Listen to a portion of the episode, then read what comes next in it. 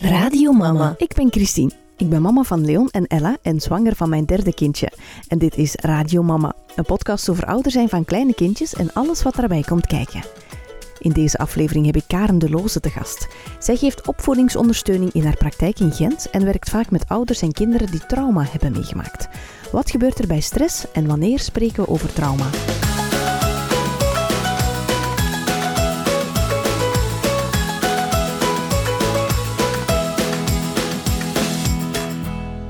Dag Karen, welkom in de podcast. Dag Christine, dankjewel. Kan je jezelf eens even voorstellen? Zeker. Uh, ja, ik ben dus Karen de Loze. Ik woon in Gent. Uh, en ik heb daar een eigen praktijk. Ik werk vooral met ouders uh, die willen experimenteren met onvoorwaardelijk ouderschap, maar die ook met andere zaken worstelen, bepaalde gebeurtenissen die zich hebben voorgedaan, waar ze niet goed weten hoe ze daarmee kunnen omgaan of zo. Mm -hmm. of ondersteuning bij kunnen gebruiken. Um, en daarnaast heb ik ook een, een kinderopvang voor schoolgaande kinderen. Ja. een buitenschoolse opvang. Uh, dat zag ik. Dat, dat uh, interesseert me wel. Vertel daar eens iets over. Goh, het idee was eigenlijk om uh, ja, een plaats te creëren waar kinderen terecht kunnen, ja, zonder dat er gewerkt wordt met straf, straffen en belonen. En ja, waar dat de kinderen eigenlijk op eigen initiatief, ja, waar dat er feedback is en ze zichzelf kunnen vertrouwen, zichzelf kunnen volgen. Um, en waar de ouders ook welkom zijn, dat is eigenlijk ook een heel belangrijk aspect. Dat niet zo is van ik zet mijn kinderen af aan de deur, maar dat de ouders ook informatie kunnen meegeven van wat er speelt thuis. En dat, ja. dat ik daar ook bewust mee werk ja. uh, in de opvang. En het is een naschoolse kinderopvang, hè? Ja. Dus vanaf uh, de leeftijd van 2,5? Ja, ja, inderdaad. Ja. De inschrijving in school is belangrijk. Hè? Dus dat is eigenlijk het moment dat ze, dat ze technisch gezien mogen deelnemen. Um, en in de praktijk gaat het veel over de vakantiedagen die dan uh, worden ingevuld met kinderopvang. Ja. ja. wat een leuke combinatie zeg. Ja, het is heel tof. Hoeveel kindjes ja. heb je? Goh, ik ga voor vijf maximum voor één opvangdag. ja. En in praktijk zijn het er vaak drie of vier. Mm -hmm. uh, ja. Heerlijk. En in jouw praktijk geef je dan opvoedingsondersteuning? Ja, precies. Ja. ja. Oké, okay. je geeft ook cursussen en zo zeker, hè? Ja, nu met corona ligt dat een beetje stil. Hè, want ik ben ja. nog niet zo echt overgeschakeld op het Zoom-alternatief daarvoor. maar, uh, maar ja, cursussen geef ik ook. Ja, ook in kleine groepjes, groepjes van tien. Uh, ja, meer en meer werk ik ook rond trauma. Dus dat is ook een thema dat ik in de praktijk uh, meer en meer behandel. Ja, ja. Oké. En wat zijn zo nog onderwerpen waar, waarvoor dat je cursussen geeft en lezingen? Goh, um, ja, cursussen kunnen gaan over gemakkelijk ouderschap. Dat is dan een beetje zo de manier waarop dat ik... Um, het verwoord, omdat ik denk dat veel ouders, wanneer ze aan onvoorwaardelijk ouderschap, zo denken van, oh, dat gaat kei moeilijk zijn en dan maakt mijn leven zoveel ja, zwaarder, omdat ik dan over alles moet nadenken. En mijn beleving is eigenlijk dat vaak uh, het ouderschap net makkelijker maakt. Dus dat wil ik echt in de verf zetten. Intuïtiever. Ja, intuïtiever. En de feedback met kind gaat eigenlijk veel vlotter, veel gemoedelijker, veel natuurlijker. Dus daar komt zo'n ander... Uh, ja, er komt een andere energie vrij in een gezinssysteem. Ja. En die energie maakt eigenlijk alles positiever, gemakkelijker, vlotter. Dus dat wil ik ja. echt wel in de verf zetten met die titel. Oké, okay, tof. Um, is er nog iets belangrijk bij jou? Ben jij mama? Heb je dat al gezegd? Uh, ik denk het niet. Uh, ja, ik ben mama van een dochter van zeven. Uh, Lucia heet ze. Lucia? ja. Mooie naam. Dankjewel. Oké. Okay. Ik zou het met jou vandaag graag hebben over trauma. Ja. Um, dat is zo'n woord dat nog heel beladen is voor heel veel mensen, de meeste mensen, denk ik. Ja, absoluut. Um, zo'n woord waar we liefst ver weg van blijven, zo. Hè? Ja. ja, dat heel veel hevige emoties oproept, alleen al van het te horen. Ja. ja. We gaan proberen om die perceptie een klein beetje te draaien, dit gesprek. Uh, maar voordat we het over trauma hebben, is het misschien interessant om het eerst even te hebben over stress. Ja. Um, wat gebeurt er in ons lichaam? Wat gebeurt er met ons als we stress ervaren? Ja, dan komen er heel veel stresshormonen vrij. Hè? En die stresshormonen die gaan eigenlijk ons, ons zenuwstelsel activeren, hè? waardoor dat ons, ja, ons lichaam iets meer overgaat op automatische handelingen die te maken hebben, of die stressgerelateerd zijn. Ja. Zoals zo de typische vecht-vluchtreacties. Uh, mm-hmm. En dat wil ook zeggen dat we iets minder energie beschikbaar hebben om eigenlijk vanuit onze cortex bewuste handelingen te gaan stellen. Ja. Om, om, eigenlijk uh, ja, nog vrij te kunnen kiezen Ja. eh, hoe dat we reageren of hoe dat we handelen. We schieten een beetje meer in ons ehm, primitieve oerbrein zo. leven. hè? Absoluut. Krokodillenbrein Ja, of wordt het absoluut. nog allemaal genoemd. Ja, ja. En we voelen ons onrustig. Eh, We kunnen echt wel fysieke eh, klachten eh, voelen. Eigenlijk op het moment dat, dat we stress ervaren, begint ons hart sneller te kloppen. Kan, kunnen we zo ons misselijk voelen in onze buik. Maag krimpt samen, ja, absoluut. hogere ademhaling. Hogere, ja, hogere ademhaling, absoluut. Ja. En afhankelijk van hoe lang het duurt, wordt die, ja, kan het dan net weer eerder een soort van depressie gaan veroorzaken, waar we dan weer net minder gaan ademhalen. Omdat we al zoveel energie verbruikt hebben, dat we eigenlijk eh, naar onze reserves Ja. eh, enorm gaan terug, terugvallen, terugvallen op die reserves. Ja. Ja, het is wel een beetje de ziekte van onze tijd, denk ik, dat we eh, bijna allemaal met chronische stress zitten. Hè? ja, absoluut. En ons vatje zit echt heel vol. Hè? Ja. En als er op dat moment dan ingrijpende dingen gebeuren, of iets kleins zelfs, maar iets wat ons raakt, Ja. dan merk je direct van, oh, dan zit mijn emmer zat eigenlijk al behoorlijk vol en er is nu nog een druppel bij die er eigenlijk niet meer bij kon. Ja. Dus we hebben minder marge of minder buffer, Ja. eh, omdat ons, ons dagelijks leven zo vol zit, omdat er al zoveel onze aandacht vraagt. Ja. Ja. Wat ik ook zo'n heel helpende eh, analogie vind, is ehm, het verhaal van, eh, van de tijger. Hè? Ja. Dus stel dat hier plots in ons studio een tijger staat, Ja, dan ehm, gaan wij reageren. Oef. Ver weg kunnen we niet lopen in deze studio, dus Nee. dan zullen we moeten vechten of moeten freezen. Hè? Dus je hebt dan zo drie reacties om, eh, om, om te hebben. Ehm, vechten, vluchten of bevriezen. ja. Ik begrijp het toch niet zo helemaal met dat bevriezen, maar eh, vechten en vluchten, dat, dat vind ik dan wel logisch. Ja. En dan kan het dus twee kanten uit. Dus ofwel verliezen we en ja, Ja. eindigt ons leven. Ja. ofwel winnen we en krijgen we die bijvoorbeeld overmeesterd. En dan, ehm, als we dan in de noertijd leven, dan, dan hangen we die aan het vuur en dan eten we die op en dan Ja. is het feest. ja, En dan hebben we ook zo die energie dat vrijkomt van, amai, we hebben dat hier overleefd en het is hier gelukt. En dan heb je eigenlijk je stresscycle gecomplete. Ja. hè. Ehm, maar wat er gebeurt in het echte leven, ja, is vaak heel anders. Hè? Want we zien, die, we zien die tijger niet als een tijger en we reageren niet altijd of zo. Goh, ik denk dat er twee dingen spelen. Ehm, we gaan van heel veel dingen uit dat ze een tijger zijn, terwijl ze eigenlijk geen tijger zijn. Dus Ook we al, ja. reageren eigenlijk met diezelfde cyclus Mhm. op eh, ja, dingen die niet meteen levensbedreigend zijn, maar die ons wel activeren. Ja. Ehm, en het andere is dat we inderdaad onze, die gezonde oerkracht, die ons eigenlijk beschermt, dat we, die, ah, of dat we vaak leren om die te onderdrukken. Ja. Eh, zeker agressie, kwaadheid wordt heel vaak onderdrukt. Ehm, terwijl het eigenlijk heel belangrijke eh, mechanismen zijn van ons afweersysteem. Eigenlijk als die een tijger voor u staat, dan, ja, uw amygdala die heeft zoiets van, oeh, gevaar. Hè? Dus ik ga echt wel beginnen met die productie van cortisol en adrenaline. Maar dat zorgt dat je natuurlijk veel meer kracht hebt om je vechtrespons te gaan doen. Ja. Want als ik, zoals ik mij vandaag voel, zou moeten vechten tegen een tijger, ik ben daar eigenlijk te zwak voor op dit Ja. moment. Gewoon omdat ik in een, in een rustige sfeer vertoef. Dus je lichaam gaat eigenlijk heel veel extra hormonen produceren om die effect te kunnen doen. Om tegen, klaar te maken. ja, tegen Ja. zoiets groots. Dat is, dat is een oerkracht. Dus je hebt ook een oerkracht in jezelf nodig om, om die te kunnen gaan trotseren. Natuurlijk, als je geen schijn van kans maakt, dan heb je die energie ook nodig om te vluchten. Want Ja. ook dat vraagt heel veel energie. Want een tijger die achter je aanloopt, ja, dat, die kan dat wel even volhouden. Dus moet Ja, je ja. het ook even kunnen volhouden. Natuurlijk. En dan als je zegt, want, want dat was zoiets moois dat je zei, van, ja, als die een tijger ons dan pakt. Hè, en daar hebben we eigenlijk ook een bescherming voor. Dus dat is wat ze noemen ja, de vries. Wat Ah, ja, daarvoor dient die freeze. Ja. Die freeze, freeze dient daarvoor. Dus dat is eigenlijk de bedoeling dat stel dat we dat ons lichaam mee te zien van oh, we maken echt geen schijn van kans. Hè. Dat ons lichaam ten eerste ehm, ja, naar preservatie gaat. Dus dat wil zeggen van goh, ik ga zo weinig mogelijk energie nog eh, spenderen. Ehm, maar vooral ook dat we eigenlijk minder gaan voelen. Dus als, als we dan ja, opgegeten worden, dat dat eigenlijk minder pijn doet. Ja. Ehm, dus daarvoor dient eigenlijk die freeze is een beetje ja, het, het, het overgeven aan het lot bijna. Hè? Zo, ehm, ja. ja.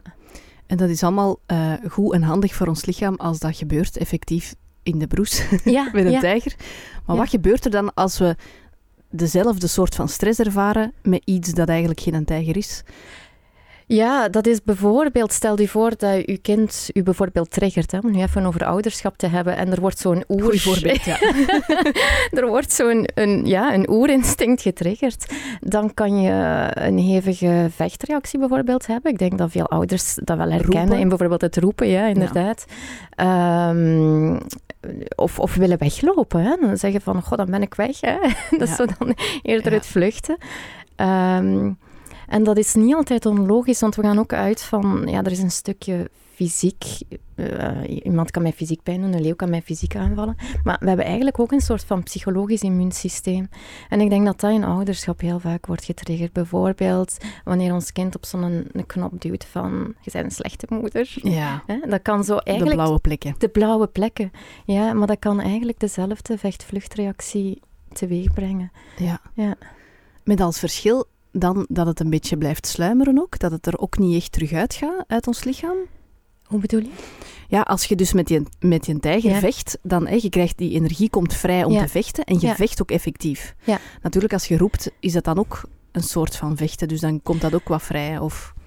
Ehm, dat komt wat vrij. Nu natuurlijk, bij een tijger, als je, als je een tijger overwint, hè, dan is uw, uw, uw vrijheid of uw, uw blijheid daarna, uw vieren, dat is eigenlijk ook een vorm van die adrenaline dan te laten uitrazen. Hè. Ja. En dat is iets wat vaak onvoldoende gebeurt in zo al die dagdagelijkse situaties, dat, dat we eigenlijk dan een stop roepen adre- aan die adrenaline of aan die rush. M- maar we kunnen die cyclus niet, niet vervolledigen. En Ja. natuurlijk, omdat dat ons kind is, gaan we ons ook beschaamd voelen, want we voelen ergens Ja. van, dat was niet echt Dus er komt extra levensbedreigend. stress bij. Ja. Ja. precies. Dus dat zijn allemaal wel, wel heel grote verschillen. Omdat, ja, bij een tijger ben je gewoon blij. Dat is afgerond, dat was goed, je hebt het juiste gedaan. Ja. En dat is eigenlijk heel clean.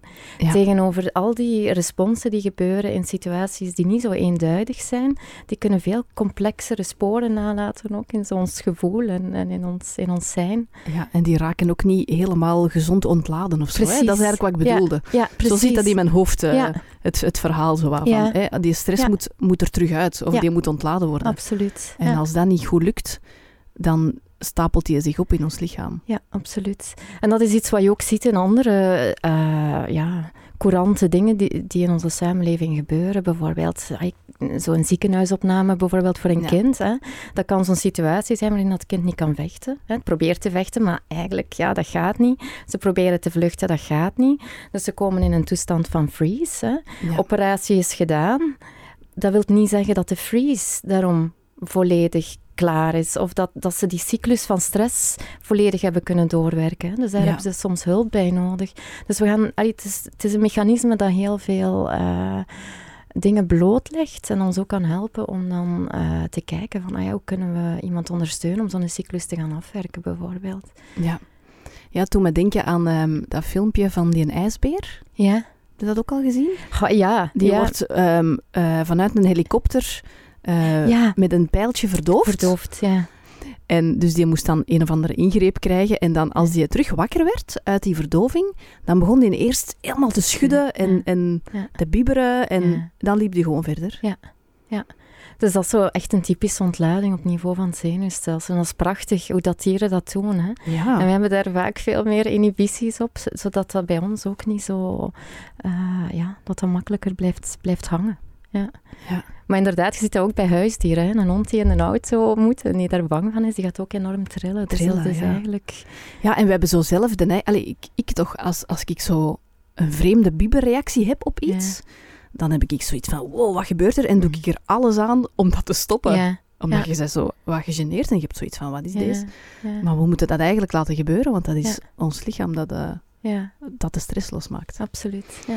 Zeg, en wat is dan het verschil met trauma? Goh, dat, is ik dat een heel dunne lijn. Hè? Ja. Omdat uiteindelijk trauma is alles wat ons, onze capaciteit om, om iets te bevatten of om te integreren, wat dat eigenlijk extreem overschrijdt. Hè? Wat dat gaat overspoelen. Ehm, maar natuurlijk, langdurige stress kan eigenlijk een beetje hetzelfde effect hebben. Hè? Ik weet dat Pieter Levine zegt altijd van ja, trauma zit eigenlijk in het zenuwstelsel. Ja. Hè, dus het gaat eigenlijk over die activatie die we niet meer wegkrijgen, die trauma heet. Hè.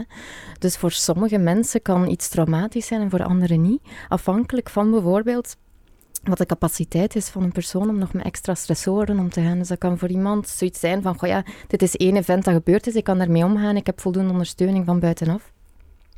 En voor iemand anders kan dat eigenlijk net zijn van wauw, ik kan mezelf niet meer reguleren nadat dit is gebeurd. Hè. Ik heb echt moeite om te functioneren en ik merk dat ik uh, heel snel kwaad word, dat ik heel overprikkel, dat ik heel prikkelbaar ben uh, na wat er is gebeurd. Ja. Uh, en dus de capaciteit tot zelfregulatie boet er dan bij in. Ja. ja. In de, de podcast met uh, Eva Kestes hebben we het ook gehad over de ontwikkeling van het brein. En zij zei um, trauma met een grote T en trauma met een kleine T. Ja. He, dus want in mijn hoofd was, was trauma vroeger zo... Ja, als je de aanslagen in Brussel had meegemaakt. -hmm. Of um, echt zo de hele erge dingen. Hè? Maar um, trauma's kunnen ook kleine gebeurtenissen zijn. Hè? Ja, absoluut. Of kleine gebeurtenissen die vaak gebeuren. Hè?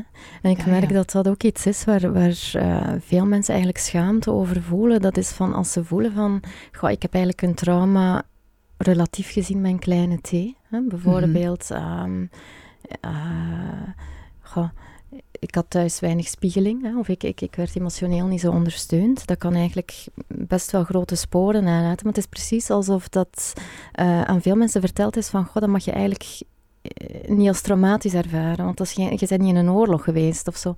En, uh, het wordt niet herkend. Het wordt niet herkend. En dan net zo het, het, het mogen uh, benoemen als trauma kan eigenlijk heel herstellend zijn, omdat je dan ergens herkend wordt in, in de pijn die je hebt. Hè.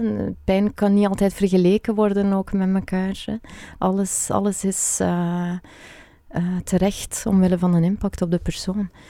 Um, ja, we hebben zo altijd de neiging om te zeggen, ja, maar je hebt het erger, dus ik ga hè, mijn eigen... Ja, dat is wel zoiets wat ik altijd in mijn hoofd heb, leed mogen niet vergelijken, leed ja, mogen niet vergelijken. Absoluut, absoluut, ja. En we gaan dan nog het meest doen voor onszelf eigenlijk. Hè? Van, goh, je mocht er eigenlijk niet zo zwaar aan tillen. Of, of alleen maar als iemand anders er ook zwaar aan zou tillen. Uh, maar ik vind dat moeilijk ook, dat onderscheid hoor, tussen trauma met mijn kleine t of trauma met mijn grote t. Want ik vind dat heel moeilijk om dat bijvoorbeeld te gaan linken aan gebeurtenissen, omdat ik mij kan voorstellen van iets wat je bijvoorbeeld trauma met mijn kleine t zou noemen, zoals bijvoorbeeld een ingreep, ja. een, een, operatieve ingreep, kan voor iemand anders ook echt wel een trauma zijn, mijn grote t. Dus dat is, dat is zo afhankelijk van... Uh, ja, heel vaak omgevingsfactoren die spelen op, op diezelfde momenten ja. en andere... Uh, bijvoorbeeld of, of dat iets heel plots gebeurt, kan een belangrijke factor zijn voor een kind, of dat dat blijft hangen of niet. Um, Onverwacht. Ja, als het, hoe onverwachter, hoe ingrijpender soms. Hè. Ja. Uh, maar dat hoeft ook niet altijd het geval te zijn. Ik kan je ook wel iets vertellen over mijn dochter, maar ze heeft eigenlijk twee keer narcose gehad ook. En de, ene, de eerste keer was eigenlijk voor ons allebei traumatisch. Mm -hmm. En de tweede keer was... Uh, was dat helemaal niet. En dan was ik zo aan het nadenken van, ah, tja, wat is nu eigenlijk het verschil? In het eerste geval was het eigenlijk achteraf gebleken niet nodig. En ik, ik was eigenlijk als moeder in die ziekenhuiscontext heel weinig ondersteund. En ik wist ook niet goed wat er ging gebeuren. En dus ik had zelf heel, zelf heel veel stress. En toen ze ook bleek van, ja, het is voor niks geweest. Het was eigenlijk mm. niet nodig. Um, dan kon ik haar moeilijker reguleren. Ja. Tegenover de tweede keer had ik zoiets van, ja, dat was het juiste om te doen. Dus eigenlijk en, en er was ook voldoende uh, informatie naar mij toe. Dus er werd voor mij gezorgd, dus kon ik beter voor haar zorgen. Ja. Dus een buffer was daar. En ik denk dat dat die mooie vergelijking is ook met de leeuw. Bij de leeuw doe je het juiste, je weet dat je het juiste doet. Dus je kunt daar op een veel transparantere manier doorbewegen. Ja. En ja, ik denk dat we daar in onze moderne samenleving... Ja, dat, dat is, dat... het is niet altijd zo duidelijk nee. of het juiste doen, hè? Ja, absoluut. Zeker in ja. het ouderschap.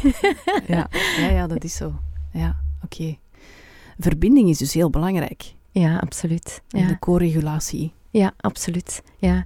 Uh, die co-regulatie gaat heel vaak over bufferen. Hè? Bufferen van die stressfactoren. Of je kind eigenlijk kunnen ondersteunen in het uh, ja, release, het, het, ontladen van die stressfactoren. Natuurlijk, als je als ouder zelf gestresseerd bent, ja. is dat veel moeilijker. En als je schuldig voelt over wat er is gebeurd, is dat ook veel moeilijker. Want dan, dan triggert de stress bij je kind eigenlijk jouw schuldgevoel. Dus ja. dan geraakt je in zo'n moeilijkere vicieuze cirkel, die gewoon maakt dat ontladen moeilijker is. En natuurlijk, hoe vroeger dat je dat meemaakt ook uh, als ouder, hè, sommige ouders maken dat mee bij de bevalling, hè, tijdens de geboorte, dan, uh, dan is het soms ook moeilijker om, om te gaan herstellen, omdat er eigenlijk nog niet zo heel veel basis is van co-regulatie of afstemming met je kind. Ja, ja. ja. En trauma gaat ook enorm over co-regulatie met jezelf en verbinding met jezelf. Uh, ja. Waar dat we soms ook eigenlijk zo heel drastisch worden uitgeplukt wanneer dat er uh, iets ingrijpends gebeurt. Ja, Dat we echt de connectie met onszelf van verliezen. Ja, absoluut. Ja. Jij sprak op de website ook over ehm, hechtingstrauma. Ja. Wat is dat precies? Goh, hechtingstrauma is eigenlijk wanneer dat die co-regulatie of die afstemming uh, minder goed gebeurt, waardoor, um, ja, eh, waardoor dat de ouders Ehm, niet als, als veilige haven worden gezien door het kind. Daar kunnen verschillende redenen voor zijn. Eén kan ontbreken zijn van afstemming. Hè. Mhm. Dus dat het kind eigenlijk niet gereguleerd wordt omdat er weinig oog is voor de beleving van het kind. Maar dan hebben ze nog een heel spectrum na. Bijvoorbeeld de ouders die zelf bedreigend zijn of een gevaar zijn. Hè. Ze spreken dan over de ouder als de beer in de kamer. Hè. Dus dat er constant een gevaar is, zoals de tijger, maar dan in uw eigen huis. Bij misbruik of zo? Bij misbruik bijvoorbeeld, ja. Of, of, of uh, mishandeling, ja in, in allerlei vormen en soorten. Um, natuurlijk, ja, die afstemming kan ook belangrijk zijn. Dus om, om co-regulatie te hebben, is het eigenlijk nodig dat de ouders uh, ja, beschikbaar zijn om stress te gaan reguleren. Dus zelfs niet, zelf niet te angstig zijn. Mhm. Maar ook dat ze bereid zijn om de stress te gaan reguleren. Dus bijvoorbeeld als je kind bang is en je zegt van maar je moet niet bang zijn, dan is de deur eigenlijk dicht voor die regulatie. Ja. Uh, Want dan denkt het kind, ik mag niet bang zijn. Precies. En als het kind bang is en de mama gaat mee in paniek, dan, dan wordt, is er ook geen regulatie. Dus het, is, het gaat eigenlijk over die gezonde middenmoot van, ah, ik ontvang jouw angst en ik kan het eigenlijk ook voor jou helpen reguleren. Ik kan het beter maken ja. uh, voor jou. En dat geeft dan de veiligheid waardoor dat kind ook uh, van een grijpende ervaring kan herstellen bij jou, omdat weet van, ah, dat breng ik gewoon even uh, naar mama of papa. Ja. En dan, dan kan ik daar ook uh, doorheen bewegen. Ja, dus ja. Ik, ik hoor daar twee stapjes in precies. Het erkennen mhm. van het gevoel. Ja. En dan um, het, ondersteunen, het mee ondersteunen of zo. Of het mee begeleiden ja. van... Ja. Uh, ja. Klopt dat? Absoluut, ja. En dat is vaak eigenlijk een... een ja, hoe moet ik dat zeggen? Um, dat gaat vaak over onze energie eigenlijk die we uitstralen. Van mhm. rust en van, van te voelen van, god, dat komt wel goed. En het is eigenlijk zo die surfplank waar onze kinderen dan uh, mee op surfen. Ja. Ze hoeven niet altijd dingen te zeggen of dingen te doen, maar gewoon zo die, die, die energetische uh, aarding, die zekerheid, zo, dat is echt belangrijk. Niet gemakkelijk, hè? Nee, dat is echt niet gemakkelijk. En dat hoeft ook niet altijd uh, precies zo te verlopen. Hè. Je mocht daar heel veel... Uh, uh, ja, hoe moet ik dat zeggen? Je mocht heel veel momenten niet fouten die maken. kracht, die kracht aanbieden ja. en fouten maken. Maar het is pas als een, als een, als een gezinssysteem bijvoorbeeld echt heel duidelijk... Uh, is, waarbij dat bijvoorbeeld uh, papa afwezig is en mama angstig. En dat ja. blijft echt een patroon over heel lange termijn. Dat er, uh, dat er dan blijvend iets kan gebeuren bij het kind. Uh, ja, in zijn manier van omgaan met, met stress en zo ja, dan. Precies. Ja, ja. Oké. Dus um, trauma kan zowel, um, kunnen zowel grote gebeurtenissen zijn, zoals bijvoorbeeld uh, misbruik of um, een ramp meemaken, uh, dat soort dingen, als uh, kleine dingetjes die dan toch heel overweldigend zijn voor ja. een kind, of die vaker voorkomen. En ja. die dan eigenlijk een opeenstapeling van, van stress. Uh... Ja. ja. precies. En alles wat eigenlijk ons stresssysteem zodanig overweldigt, dat dat uh, niet meer zo die natuurlijke flow heeft. Daar gaat het eigenlijk over. Ja. Dus dat we zo die pieken krijgen of echte dalen in ons, in ons stresssysteem, heel, heel angstig worden. Um, en wat dat, dat precies veroorzaakt, kunnen inderdaad verschillende dingen zijn. Ja. Normaal gezien moet stress gaan in golfjes. Ja. Even een piek en dan moet je lichaam terug naar rust gaan. Goh, iedereen heeft eigenlijk zo'n beetje een, ja, ze noemen dat een window of tolerance. Hè. Dat is dus een, een, raam waarbinnen dat je eigenlijk harmonieus kan, kan leven, harmonieus kan functioneren. Hè. Dus dat gaat erover dat je bijvoorbeeld kwaadheid kan ervaren of verdriet of, of joy, hè, plezier. Uh, maar dat dat eigenlijk inderdaad nogal gemoedelijk kabbelt. Hè. Dat, ja. gaat, dat gaat op en neer. Natuurlijk wanneer dat je zenuwstelsel ontregeld geraakt door trauma mm -hmm. of door heel veel stress te ervaren, dus vandaar trauma zit in het zenuwstelsel, dan kan je eigenlijk veel heviger gaan reageren. Dan ben je eigenlijk uit dat raam ja. van tolerantie. Dus dat wil zeggen dat je vooral te kwaad wordt en dat je verschiet van jezelf en denkt van, oh, waarom, waarom ben ik nu eigenlijk zo beginnen roepen? Want er was eigenlijk geen concrete aanleiding voor. Het is eigenlijk dat beginnen functioneren buiten je raam van tolerantie, dat je wel kan gebruiken als handvat om te weten van, ah ja, er heeft een dysregulatie plaatsgevonden. En wat dat die dysregulatie uh, uitlokt, dat kunnen inderdaad kleine en grote dingen zijn, of inderdaad veel kleine dingen over lange tijd. Of kleine dingen bij een kind dan, waar dat zich niet bij geholpen wordt om dat te gaan reguleren. Dus dat ze eigenlijk stress beginnen, uh, ja, dat stress zich begint op te stapelen in hun systeem. Ja. Dus dan gaat het erover dat, dat je niet meer terug in je raam komt. Precies. dus dat je lichaam terug moeilijk die rust vindt. Ja, absoluut. En dat, dat begint dan ook zo zijn eigen leven te leiden. Want dan gaan kinderen soms meer agressief uit hun hoek komen of zo. Mhm. En als ze dan worden gestraft... Meer dan, problemen weer, ja. Dan komt, stapelt het zich een beetje op. Hè. Dus, dus ik denk dat dat zo van die uh, ja, typische uh, uitingen zijn van zo die cyclussen, hoe dat die plaatsvinden in ons dagelijks leven. Ja. Ja, ja, en dat brengt mij misschien ineens tot mijn volgende vraag. Waarom is het zo belangrijk dat we als ouders wel um, ja, ons bewust daarvan zijn? Dat dat kan gebeuren, hè? Dat, dat die stress er is en, en dat, uh, dat dat trauma er kan zijn? Goh, ik denk vooral, zo, zo um, de meerwaarde van trauma begrijpen ligt voor mij vooral in, in het feit dat dan zo, ja, dat verklaart eigenlijk alles. Je kunt daar, je kunt, dat zijn allemaal mechanismen die gemaakt zijn om ons systeem te helpen overleven en te helpen omgaan met stress. Dus dat maakt dat, dat die, die uitingen van te veel stress of van trauma, dat dat niet meer zoiets is van, allee, waarom doet hij dat nu? Dat is echt een probleem. Dat is wat doe jij nu? Ja, wat doe jij nu? maar dat je eigenlijk zit, ah ja, dat is logisch, want... Ja. En van als dat je die switch maakt, dan kan je ook veel empathisch reageren of kan je eigenlijk iemand helpen om die rust terug te vinden. Op een heel andere manier dan wanneer dat je eigenlijk gedrag gaat proberen corrigeren. Ja. Um, en ja, van als je dan begint te zien hoe dat trauma dan ook collectief speelt, dan brengt dat gewoon zoveel meer zachtheid, ook naar jezelf toe. Van, goh, ah ja, ik... Uh, ja, ik reageer zo. Niet omdat ik een slechte persoon ben, maar omdat ik op dit moment gewoon kei gestresseerd ben. Ja. Ja. ja. want die reactie van wat doe jij nu, is eigenlijk zelf een stressreactie. Absoluut, ja. Een eigen stress op wat je kind dan op dat moment doet. En als je al beseft um, dat dat gedrag van je kind ergens vandaan komt, dan gaat het die stressreactie zelf ook misschien al minder hebben. En is het al gemakkelijker om niet te zeggen wat doe jij nu? En te kijken naar je kind eerder. Ja, absoluut. En ik, ik, leg het ook vaak aan ouders uit, zo van wat er bij ons gebeurt als we roepen. Hè, want je kunt zo vragen aan ouders van ja, wie heeft gezworen dat hij nooit ging roepen tegen zijn kinderen? En dat is meestal iedereen.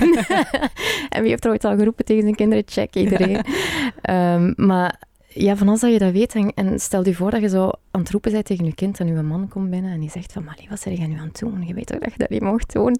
De kans dat we ons meer gereguleerd gaan voelen is eigenlijk redelijk klein. We gaan waarschijnlijk nog harder beginnen roepen. Schaamte erbij. ja. Maar als die zou zeggen van... Uh, wauw, ik zie echt dat je het lastig hebt, zal ik even overnemen. Dan, dan voel je eigenlijk die rust zo terugkeren naar je lichaam. En ik vind dat zo interessant om eigenlijk uit te leggen hoe dat inderdaad schaamte nog extra die vecht of vlucht kan triggeren. Maar dat is ook zo bij de kinderen. Hè. Dus uh, als ze bij de kinderen eerst reageren, maar dat mag niet, wat doe jij nu? Dan, dan hebben ze eigenlijk precies hetzelfde als wat wij zouden hebben als we roepen en onze man komt binnen en die zegt, wat zeg jij nu aan het doen? Ja. maar we spreken vaak ook tegen onszelf. Hè. Dus die mildheid voor onszelf en die, die innerlijke stem... Uh, uh, empathisch maken is, is echt zo belangrijk voor ons stresssysteem, voor alles dat te maken heeft met ons stresssysteem. Ja, en, en, in dat opzicht is het inderdaad heel nuttig om het allemaal te weten. Hè? Absoluut. Ik krijg heel vaak, zo, als ik zo'n vragensticker doe op Instagram van stel mij een vraag, dan krijg ik heel vaak zo de, het idee dat mensen precies denken dat ik dan zo'n mama ben die nooit roept. en zo van, ah, jij bent zo'n onvoorwaardelijke mama, jij roept dus nooit. dat is het grootste misverstand, ja, hè? absoluut. Wij zijn allemaal mensen. En het, is, het is net door te begrijpen um, van waar dat, dat komt, dat roepen, en, en dat het eigenlijk een stressreactie is ja, dat wel zo helpt om inderdaad zo die schaamte weg te nemen en zo dat idee weer van je moet een goede mama zijn. En om een goede mama te zijn, mocht je nooit roepen. Ja. Um, ja. Zodat, om dat zo wat te doorbreken. Ja, je mocht meer mens zijn ook gewoon, denk ik. En, en we hebben zo de neiging in onze cultuur om ze heel veel van, van wat, we, wat we doen of ervaren te gaan logisch proberen beredeneren. Maar eigenlijk brengt ons ook gewoon meer naar ons lichaam. Van eigenlijk attent te zijn op wat gebeurt er nu op dat niveau. En ik vind dat ook zo'n mooi uh, proces, vaak zowel bij kinderen als bij ouders. Van goh, eigenlijk die impulsen te mogen volgen en te mogen vertrouwen dat je lichaam ook wel weet wat, doet, wat doen. Uh, onder stress. Hè. En dan gaat het vaak over een soort van afstemming van goh, wat wil ik zelf, hoe wil ik zelf reageren onder zo'n hoge uh, stress, zodat ik daarna niet ja, een spiraal ervaren van schaamte en schuld. En dat kan een oefening zijn die dan ook fijner wordt om te doen. Omdat, omdat je gewoon weet van ja... ja. ja dat is iets wat ik, wat ik, mijn, wat ik mijn, mijn, nieuwsgierigheid eigenlijk kan, kan opnemen. Ik hoef mezelf daar niet vooraf te breken. Ik kan dat gewoon proberen. Observeren en, en, iets anders proberen. Ja, absoluut. Ja, want ik denk nu aan um, ook kinderen met driftbuien. Mm -hmm. Um, en eh, ouders met driftbuien, die dan roepen bijvoorbeeld. Ja. Dus dat zijn eigenlijk um, responsen van uw lichaam op stress. Ja, of niet? Impulsen? Ja. Ja. ja. Um, en met het idee van we moeten onze stress wat kwijt, is dat dan een goede manier? Of als ons kind bijvoorbeeld zijn zusje slaat of, of ons slaat of zo, hè, dan is dat een uiting van de stress en de, en de impulsen. Uh, dus, en die mogen er dan wel zijn, maar mhm. natuurlijk, ja, ook niet. Nee, dus absoluut. Wat doen we daarmee? En dat is inderdaad heel moeilijk, hè, want eh, op het moment dat bijvoorbeeld een zusje een broer kan slaan, hè, dan, dan gaat die ontlading sowieso problematisch zijn, want dat is iets wat kinderen eigenlijk ook niet willen doen. Dus op het moment dat ze dat kunnen doen, dan komt er bij hen ook schaamte. En, en daarna die spijt die wij voelen ook wanneer dat we iets doen aan de kinderen, dat eigenlijk niet zo fijn is. Hè? Of waarvan dat we weten van eigenlijk past dat niet bij onze hogere waarden. maar daar zijn we even van afgesneden. Um, dus het gaat vaak over zo de impuls toelaten van, mhm. van de boosheid. Hè? Ja. En dan eigenlijk uh, je kind te gaan helpen zichzelf te stoppen. Want het is niet de bedoeling, je kind is op dat moment heeft ook geen aanspraak op die hogere cortex, dus ze kennen de regels vaak wel. Maar op dat moment zijn ze daarvan afgesneden. Dus net zoals uh, het fijn is als je man dan binnenkomt en vraagt van, goh, kan ik even helpen? Zo kunnen we eigenlijk ons kind ondersteunen, bijvoorbeeld door te zeggen van, goh, ik weet dat je dit niet wilt doen. Ik ga, eventjes, uh, ik, ik, ga je even uh, dichter bij mij pakken of zo.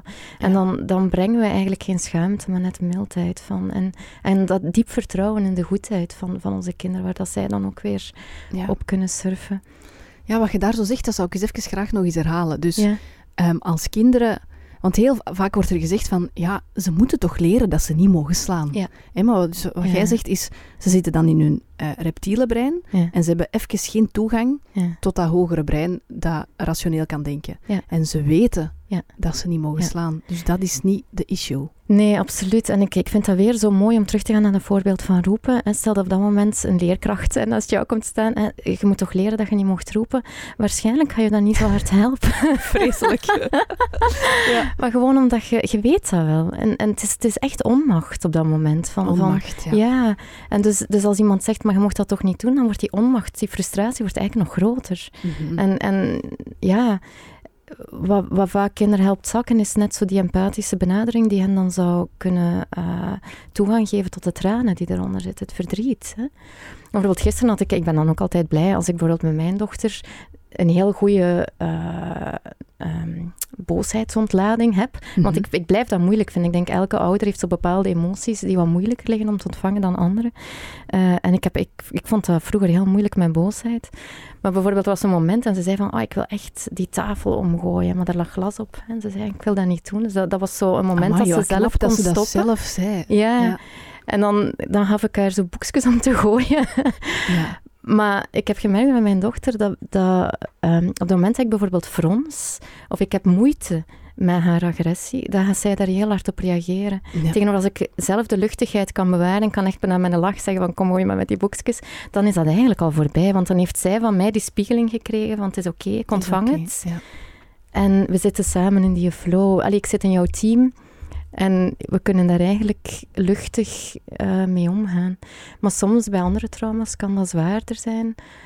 En zelfs dan kan het zo verluchting bieden wanneer dat bijvoorbeeld een therapeut of zo zegt van, ja, stel u dan maar voor, zo die, die agressie die je nu zit en waar dat je een beeld bij hebt, hè, zo, zo, alsof dat dan een leeuw is die voor je staat en je voelt agressie, zodat je dat beeld eigenlijk kunt, kunt gebruiken om uh, gezonde agressie te ervaren zonder dat je echt iemand moet pijn doen of, of jezelf moet pijn doen. Hè? Want als je agressie voelt naar iemand anders en dat wordt niet geuit, dan slaat dat vaak terug op jezelf in, in, in uh, ja, zelfsabotage of gedrag dat jezelf gaat schaden. Dus die gezonde agressie mogen uit is heel belangrijk. Natuurlijk, als we volwassen worden, kan het ook wel fijn zijn als we uh, die agressie ook leren omzetten in gezonde grenzen. Hè. Dus dat we snel zo die signalen oppikken van, oh, er gebeurt er iets, er zit echt serieuze kwaadheid. Van, ah, is het, uh, zou het nuttig zijn om, om de grens te, te stellen? Ja, zoals bijvoorbeeld? Ehm, Als bijvoorbeeld iemand over uw, uw grens gaat, um, in plaats van dan te reageren, een grens zetten. Ja, sorry, het is helemaal geen duidelijke... Maar ik, ik begin er een beeld van in mijn hoofd te krijgen wel. Ja, of bijvoorbeeld, ik heb een heel goed voorbeeld, ja, of mij persoonlijk. Ja. Ik vind het heel lastig als mensen mij op Instagram... Ik heb heel veel volgers. En ik vind dat niet altijd zo... Ik vind dat soms wat beangstigend, omdat iedereen u kan bereiken en dus ook iedereen u kritiek kan geven. Dat gebeurt, ben dat nooit, maar heel af en toe zit er zo wel eens iemand bij die het dan nodig vindt om ja. ja kritiek te geven. Hmm. Uh, op, op een niet zo vriendelijke manier. En... Um, ik weet dat ik in het begin de neiging had om mezelf te verdedigen en daarop in te gaan en dus te vechten. Ja, absoluut. Ja. En nu heb ik geleerd om in de plaats van te vechten, inderdaad een grens te, te zetten en meteen te zeggen van hiervoor is mijn profiel niet bedoeld of zoiets. Mhm. Eh, ik ga je nu blokkeren, dankjewel. Mm -hmm. Maar dat, allee, die was wel echt heel verregaand. Dus ik blokkeer niet zomaar mensen, nee, maar die was echt heel grof. En dat voelde eigenlijk veel beter. Ja dan zo er tegenin te gaan om te vechten. Is dat wat je bedoelt dan met een grens zetten in plaats van te reageren? Of is het nog anders dat je het ziet? Ja, dat is zeker één van de vormen. Hè? Dus waar dat je inderdaad... Uh, en, en, dan zou je nog kunnen zeggen van... Goh, en daarna ga ik ook nog even... Ja, ik weet niet tegen de spiegel. Ja, ja, of tegen de spiegel even zeggen, van ik vond het toch lastig of zo. Maar het kan bijvoorbeeld ook gaan over de kinderen. Bijvoorbeeld stelt dat, dat, dat je voelt van, goh, mijn, mijn dochter is echt... Uh, die begint zo mijn, haar broertje te duwen of zo. Dat in mhm. plaats van dat je het laat gebeuren totdat ze recht geslaan wordt en jij wordt ook boos, dat je op dat moment gaat zeggen van, goh, dit voelt niet fijn voor mij, ik ga het echt begrenzen. Hè? Of, dit, ja. of ik, ik, ik ga hier tussen komen, hè, voordat het helemaal escaleert. En, en dat kan zo een stuk van, van, van helen van trauma, dat is natuurlijk ook belangrijk. Het gaat niet alleen over trauma, maar ook over hè, herstel en, en jezelf uh, invoelen, is dat je die, die kwaadheid misschien ook sneller kan, kan opvangen, dat er iets borrelt. Hè? Het is nog geen kwaadheid, maar er borrelt iets. En dat je op dat moment eigenlijk al kan, kan uh, ageren. preventief zo. Een beetje preventief, ja. Dat je zo voelt van, oeh, er zit iets aan te komen. Mijn, mijn energie is aan het stijgen, ik zit niet op een piek. Maar ik voel wel dat ik, uh, als, als dit verder gaat, dat ik dan ook over in het rooien kan komen. Hè? Dat ik dan ook... Ja. Uh, op tijd grenzen stellen. Ja. ja. Oké, superboeiend. Als, als ik nu zo concreet um, nog eens denk aan dat voorval van, omdat dat, dat wordt heel vaak gevraagd. Uh, het is zoiets dat iedereen wel meemaakt. Hè? Iedereen met twee kinderen, dat ja. een van de twee kinderen de andere duwt. En dat is als, als, als ouder voelde je dan heel machteloos. Um, hoe kunnen we ze dan, hoe kunnen we dan ervoor zorgen dat zij toch nog hun stress um, en die gevoelens van agressie dan dat er zijn kwijtraken, mm. zonder dat ze mm een, zusje of een broertje effectief pijn doen. Maar wat er meestal gebeurt, en dat is natuurlijk niet altijd zo, niet bij iedereen, maar als de ouder tussenkomt op zo'n moment hè, en, en empathisch reageert, bijvoorbeeld van, goh, ik, ik ga je helpen stoppen, ik zie, je vond dat echt niet leuk dat dit gebeurde, bijvoorbeeld, of dat gebeurde, is dat de kinderen eigenlijk in eerste instantie die agressie, agressie gaan richten op de ouder. Want dat is natuurlijk een gouden moment, omdat je dan eigenlijk eh, uitgenodigd wordt om te gaan helpen reguleren. Ja. Dus dan kan je inderdaad gaan begrenzen dat je zelf geen pijn hebt. Maar hoe minder woorden van dat mag niet dat je erbij gebruikt, vaak hoe beter dat werkt. Gewoon omdat je inderdaad aan die schaamte niet nog extra wordt getriggerd. Maar je zou wel kunnen zeggen van, ja, duw tegen mijn hand. Nu, sommige kinderen vinden dat heel moeilijk wanneer we komen met iets. Hè. Dus je kunt dat eigenlijk ook gewoon beginnen doen. En kijken of je kind dat leuk vindt om in die flow mee te gaan. Of zo'n beetje... Uh, in plaats van te vragen. Ja, in plaats van te vragen. Want dat is vaak zo, dan is er iets cognitiefs nodig en dan haalt hem, hem soms net uit die bui, waardoor dat ze dan uiteindelijk toch niet kunnen zakken. Maar soms bijvoorbeeld met je voorhoofd tegen het voorhoofd van je kind of gewoon zo, uh, ja, zo spiegelen van, of, of samen iets beginnen scheuren. en dan met de handen duwen met de tegen handen elkaar duwen. of zo. Ja dat kan eigenlijk dan een ontlading veroorzaken. Ofwel, een andere mogelijkheid is dat je, als je weet van dit is eigenlijk zo, ja, het stukje dat getriggerd wordt, het verdrietstukje, is ook dat je dat kan benoemen. En dan kan kijken dat je kind ook zakt, misschien naar tranen. Dat is dan een andere soort van verbinding. Ja. Um, Maar ik blijf erbij dat een van de belangrijkste bewegingen die we kunnen maken is zo, ja, het met luchtigheid doen. Hè? Want we schieten vaak inderdaad in die vechtrespons zelf. Ja. Maar kinderen zien dat. Ook al zeggen we de juiste woorden of gaan we het juiste mechanisme doen, zij letten eigenlijk heel veel op, is er een subtiele afwijzing of niet? Dus soms zeg ik ook gewoon van, doe niks. Hè? Zeg gewoon, ik ga je helpen stoppen en reguleer jezelf en, en, en wees aanwezig. Ja. Ja.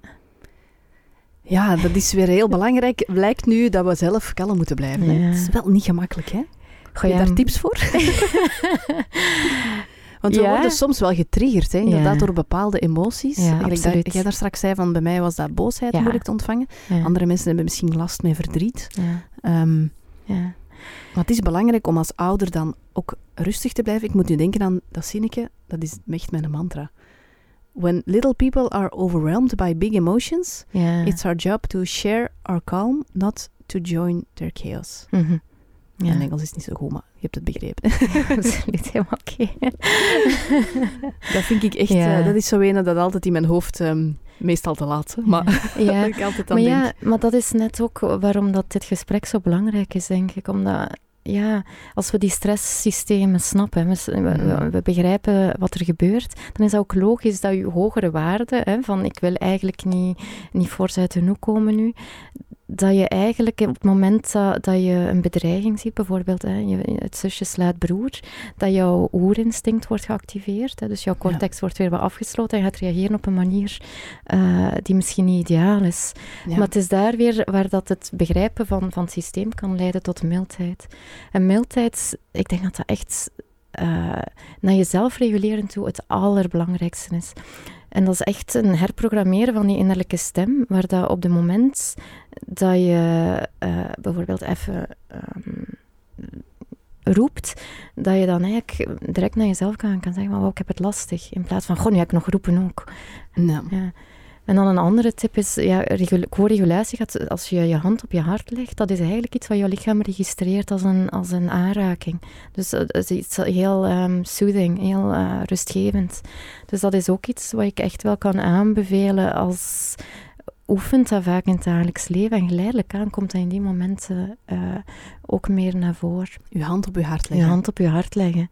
Ehm, of bijvoorbeeld jezelf omhullen. Dus dat wil zeggen je, je armen vasthouden. Zodat Jezelf knuffelen. ja. en dat heeft dan te maken met containment. Dus dat je eigenlijk een soort van container maakt voor die hevige gevoelens. Zodat jij eigenlijk degene weer bent die ze ervaart en niet de gevoelens die jou overspoelen en jij probeert er zo een beetje je hoofd boven water te houden. Ja. Ehm, en natuurlijk is het ook zo dat in de momenten eh, waarin dat we zo reageren of dat we heel veel stress ervaren, dan is die hogere cortex afgesloten. Is dat heel moeilijk om zo'n dingen te onthouden, want dat is Ja, net wat er dan gebeurt. Ja. Dus ik, ik, ik hang ook gewoon vaak iets aan de muur. Zo van eerst een tas thee of, eh, Schitterend. Ja. of zeg niks. Hè? Zeg gewoon oh of zo. Eh, zeker in die beginstadia van ik, ik worstel met iets, ik vind dat echt moeilijk. En soms kan het nodig zijn om dieper te gaan graven. Bijvoorbeeld toen mijn dochter echt zo kwaad was, merkte ik dat dat bij mij heel veel schuldgevoelens opwekte.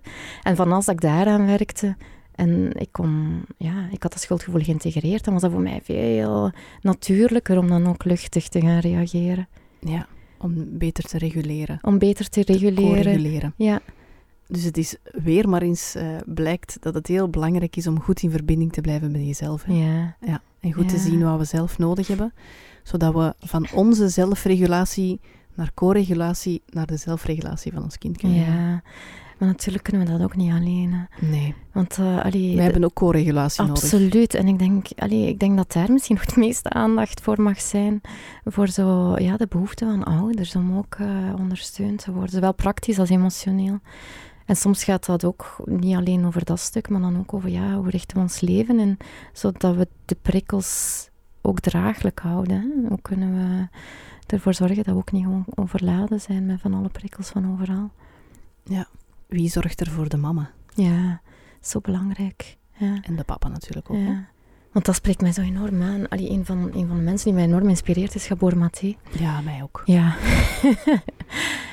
en ik denk om twee redenen. Eén, omdat hij zelf zegt van ja, in mijn gezin was er toxische stress. En ja, ik denk dat dat mijn kinderen zo en zo heeft eh, gevormd, meegevormd. Dus dat dat heel veel schaamte eh, reduceert bij ouders. Van ja, was zelfs een Mathé, zo'n zo situatie heeft meegemaakt, ja, dan moet dat echt wel uh, heel menselijk zijn, zijn en heel menselijk, ja. Maar ook ja, omdat je echt ziet van ja, als een vader afwezig is en de moeder ervaart heel veel stress, er is niks mis met de mama, maar zij is inderdaad gewoon effectief te weinig ondersteund. Dat ligt echt wel bloot dat, uh, ja, dat daar ook een kwetsbaarheid zit. En we gaan heel vaak zeggen van, ja, ze moeten dan werken aan hun, aan hun patronen of dit of dat, maar soms moeten ze gewoon wat steun krijgen. Echt letterlijk en fysiek. Ja. Uh, en dat is natuurlijk zo in een tijd van, van nucleaire gezinnen en corona, is dat heel moeilijk soms om te vinden. Ja, vroeger was er echt letterlijk de village. Hè? Ja. En dat is nu allemaal zo in onze cultuur wat weggevallen. Ja.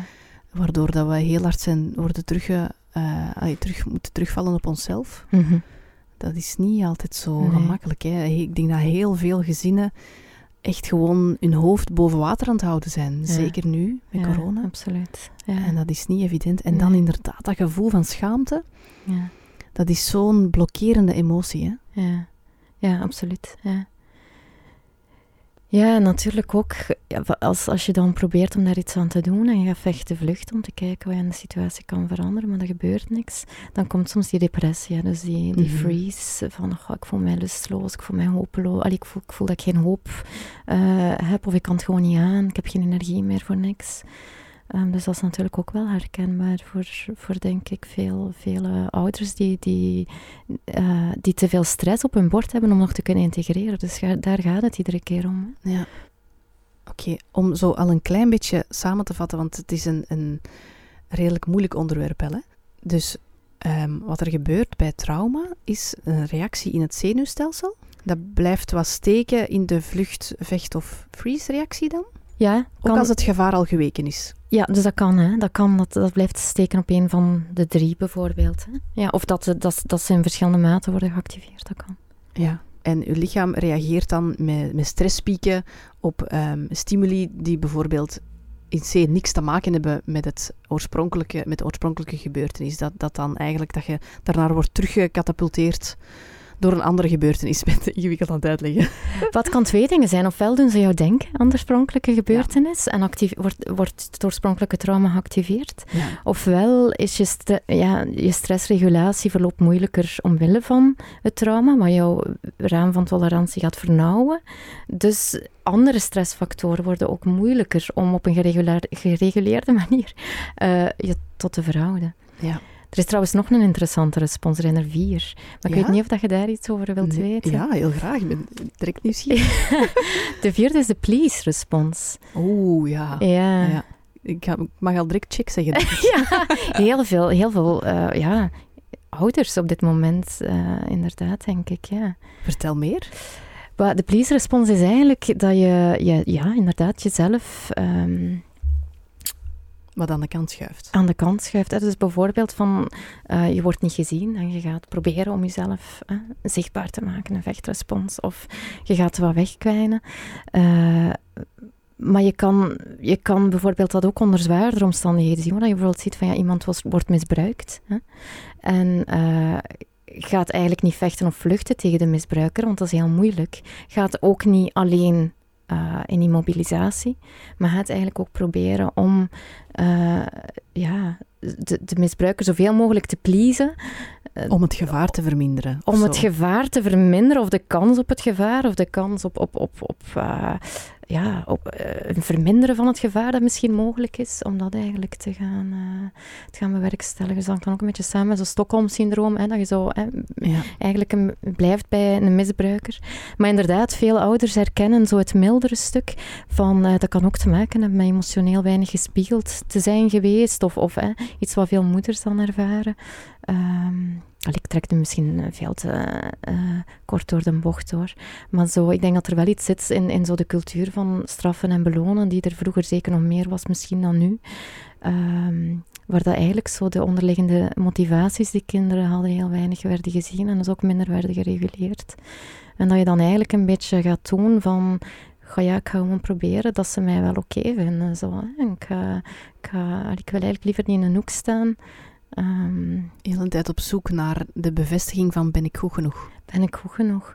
Ik vind dat ook iets interessants aan straffen en belonen. Voor mij, allee, dat is zo'n iets, iets, iets, een eigen gedachte die ik daarover heb. Maar volgens mij haalt dat mensen echt naar een valsruim van tolerantie. Want er wordt eigenlijk niks geïntegreerd. Bijvoorbeeld als iemand zegt van, eh, het is zo flink als je niet weent, hè, dan, uh, dan wordt dat wenen eigenlijk niet gereguleerd. Maar dan, dan is dat eigenlijk een soort van valskaart, eh, vals huisje, een kaartenhuisje dat ook snel kan instorten, dat gebouwd wordt op, op eigenlijk een niet gereguleerde fundering. Uh, terwijl dat wenen ook zo belangrijk is, want dat, dat zorgt net weer dat dat parasympathisch, hè, dat rustsysteem, dat dat weer wordt geactiveerd, want uh, dat ontlaat die stresshormonen. Hè, dus het is, het is, heel belangrijk. Maar dat vind ik zo interessant aan straffen en belonen. Dat lijkt alsof dat, dat zo uh, ja, een structuur probeert te zetten zonder fundering. Zo. Ja. Ja, ja ik ben mee. Ja, super. Ik denk dat dit zo'n aflevering wordt die mensen zo een paar keer gaan beluisteren. om helemaal mee te zijn. ik vind, ik vind het enorm boeiend allemaal. Ja. Het is moeilijk om uit te leggen. Hè? Ja, het is moeilijk, maar het is ik wel... Vind ja, maar het is wel heel boeiend, vind ik. Um, daar straks hadden we het over um, dat het belangrijk is... Uh, of dat het heel veel meerwaarde heeft als we als ouder daar een beetje kennis over hebben, hè, over, over zo stress en trauma. Denk je dat het ook meer moet gekend zijn in de medische wereld? Ja, overal eigenlijk, denk ik. Maar zeker ook in de medische wereld, omdat ik denk dat daar ook vaak ingrijpende gebeurtenissen plaatsvinden, potentieel ingrijpende uh, gebeurtenissen. En wat ik uit mijn eigen ervaring wel, wel meedraag, is dat er uh, soms nogal brusk mee wordt omgesprongen, vanuit de beste bedoelingen, hè, want ze willen natuurlijk... De, de juiste medische handelingen stellen voor het kind. Maar dat zo het emotionele stuk nogal wordt gepasseerd. En natuurlijk met alle gevolgen van dien, ook voor de stress bij ouder en kind. Uh, als ik dan bijvoorbeeld denk aan, aan hoe dat medische ingreep dan wel, hè, ook, ook het stresssysteem, dat daar een invloed op kan hebben. En dat dat ook op lange termijn kan leiden tot uh, lichamelijke problemen, vind ik dat een beetje raar. Maar soms lijkt het mij ook, allee, als ik nu zo terugdenk aan mijn dochter die, die onder narcose ging, dat ik dan zo dacht van, ja, zo met, met de kennis van trauma die ik heb, had ik, ja, merkte ik zo van, ja, dat was een heel stresserende gebeurtenis. Dat moest allemaal heel snel gaan. Mm -hmm. Dus ik, ik, was er dan toe gekomen van eventjes met mijn dochter alleen te mogen zijn in de kamer. Ik had haar zo echt rustig gekregen, ze was er klaar voor. Uh, en toen dat de dokters binnenkwamen, was dat het eerste wat ze deden, zo, um, ja, ja, terug die stress eigenlijk gaan activeren. Van, en hoe heeft uw moeder dat gedaan? En, en, maar zo, en uh, het was voor, voor haar dan, anders ga je niet mooi zijn. Later ga je niet kunnen trouwen. Dat ik zo dacht van, dat is zo raar. Want Afleiden dat activeert. Ja. God, maar dat, dat, introdu dat, introduceert ook heel veel stress. Als de ingreep ervan afhangt of dat je later gaat mogen trouwen of niet, dat is zo'n ja. stressfactor. Zo. Ja, en zij doen dat wellicht met de beste beste en het bedoelingen. idee van, we leiden het af, we leiden ze af van de pijn. Ja.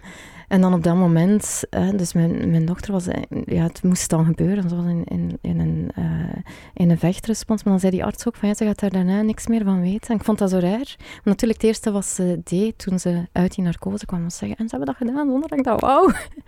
En dan dacht ik van, dit zou die dokter eigenlijk moeten horen. Ja. Want er is eigenlijk zo weinig nazorg op dat moment, dat ik ook denk dat zij dat misschien echt geloven, dat dat kind dat niet meer weet. Maar dat strookte zo hard niet met, met, met de realiteit. Hè. Zij, zij was echt kwaad op die dokter. Ik denk dat dat ook goed was, hè, om de cyclus te vervolledigen. Um, maar ik denk dat dat vaak gebeurt, en dat vind ik zo interessant aan trauma begrijpen, Allee, of stress begrijpen, dat is van, dus al die responsen zijn natuurlijk. En soms vraag ik mij zo af van, zou een mama beer haar kindje beer zomaar afgeven aan iemand die ze nog nooit heeft gezien een voor een medische beer, ingreep. Ja, ja om, om, om dan de zaal te verlaten. En dat voor gebeurt in de natuur. Dat niet. gebeurt in de natuur niet. Dus dat, dat maakt het zo logisch dat we daar zoveel bij voelen. En dan denk ik van wauw. Ja, en we zijn als maatschappij echt gefocust op afleiden. Hè? Ja, ja. En er zit ook ergens die verwachting, want ik hoor dan ook vaak van ouders in de praktijk van ja, de dokter vond dat mijn kind zo moeilijk was bij het behandelen. Maar dan denk ik van, ik vind dat heel raar om van een kind te verwachten dat zij dat gewoon gaan laten ondergaan. Dat is echt, ja. Want eigenlijk vind ik dat veel gezonder dat een kind vecht-vluchtreacties vertoont. Voor mij is dat dan van, wauw, die was aan het ontladen tijdens. Ik vind dat keigoed. Ja, en die laat zien van, ik, ik, ik heb hier geen enkel idee wat jij aan het doen bent. Ja, en er zit hier een vreemde man, maar ik weet niet en wat ik, pincet. hier, en ik zeg hier nee tegen met dat jij een spuit in mijn arm steekt. Ja. Moet je denken aan bloedtrekken bij Ella onlangs. Ja, absoluut. En ik denk dat, dat dat is iets wat ouders zo zou kunnen helpen bij die stressrespons, is dat andere mensen daar dingen van weten. Want wat gebeurt er nu vaak? Ga zo nog één moeilijke term daartussen gooien, maar dat is zo gaslighting.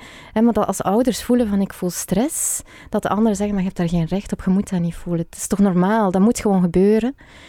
Eigenlijk ook als je kind afzet aan school en, en je kind vindt dat moeilijk en als ouder wilde niet abrupt afscheid nemen, dan zeiden mm. zo de moeder die niet kan loslaten. Maar dat zijn allemaal vormen die eigenlijk ons, dat oerinstinct dat gemaakt is om ons te beschermen, dat dat eigenlijk volledig passeren. Ja. En ik, dat is ook met de beste bedoelingen, want ik denk dat zij echt de stress willen verminderen. Dat ze denken van bij het kind gaat wel over bij de moeder ook. Maar eigenlijk zorgt dat zo voor ja, iets in uw kelder, dat blijft... Ja, ook schaamte. U, u miskend voelen.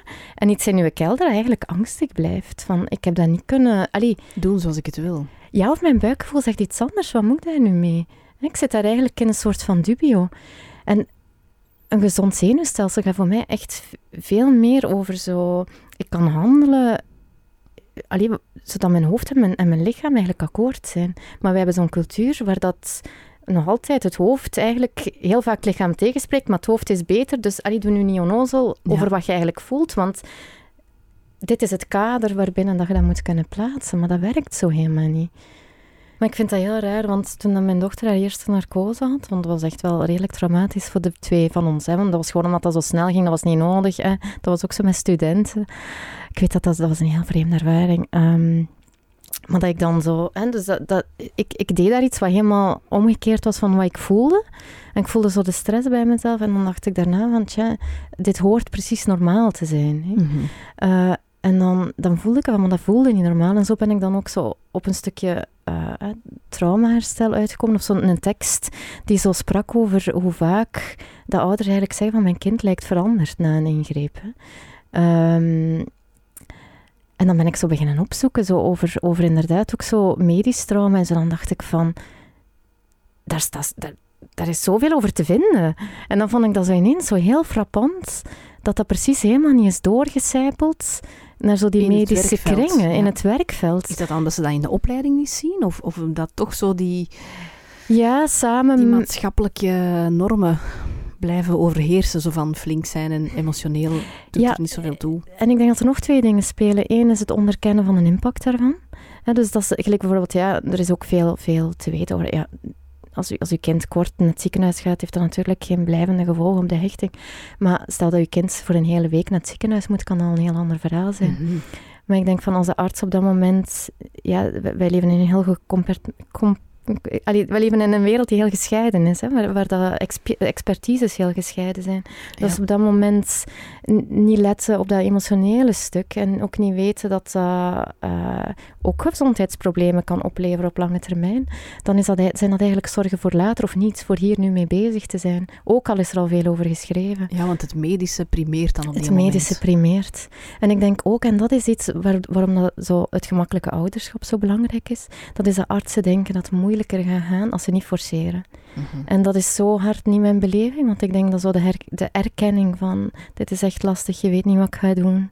Ik kan me voorstellen dat je bang bent hè? en wil je eens voelen aan dat masker dat ik straks op jou ga zetten. Dat is zo die benadering dat dat eigenlijk ervoor zorgt dat een kind veel sneller in die coöperatie gaat gaan. Maar wij vertrouwen dat niet. En dat is een beetje gelijk, ja, dat we zo eh, die, die sekswijde hebben van als je je kind een vinger geeft, dan nemen ze je hand of zo. Dat is zo precies of ja, dan gaan ze nog langer uh, niet willen. Of dan gaan ze het zeker niet willen. Of dan weten ze dat zij in de macht zijn.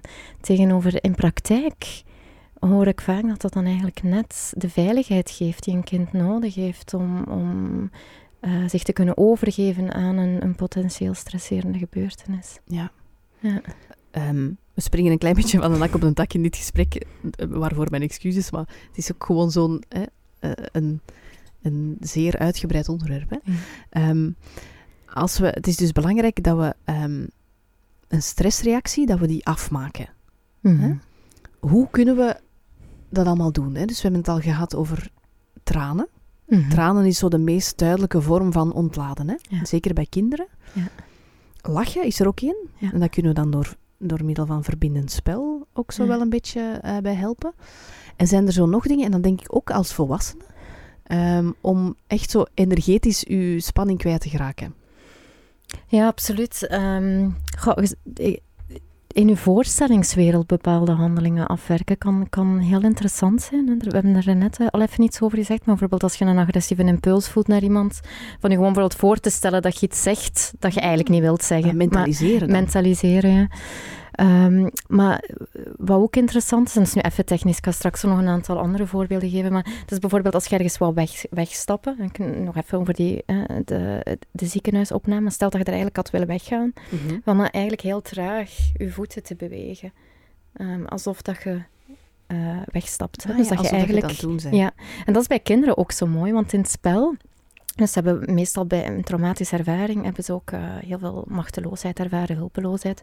De spel oefent eigenlijk zowel, uh, of dat, dat, dat, kan een andere wending uh, bezorgen aan het verhaal. Dus dat ze eigenlijk iets anders kunnen echt ook bij hun lichaam inoefenen of ze dat niet anders kunnen zeggen. Of, en dat heeft eigenlijk ook een impact dan op, op, um, op de herinnering.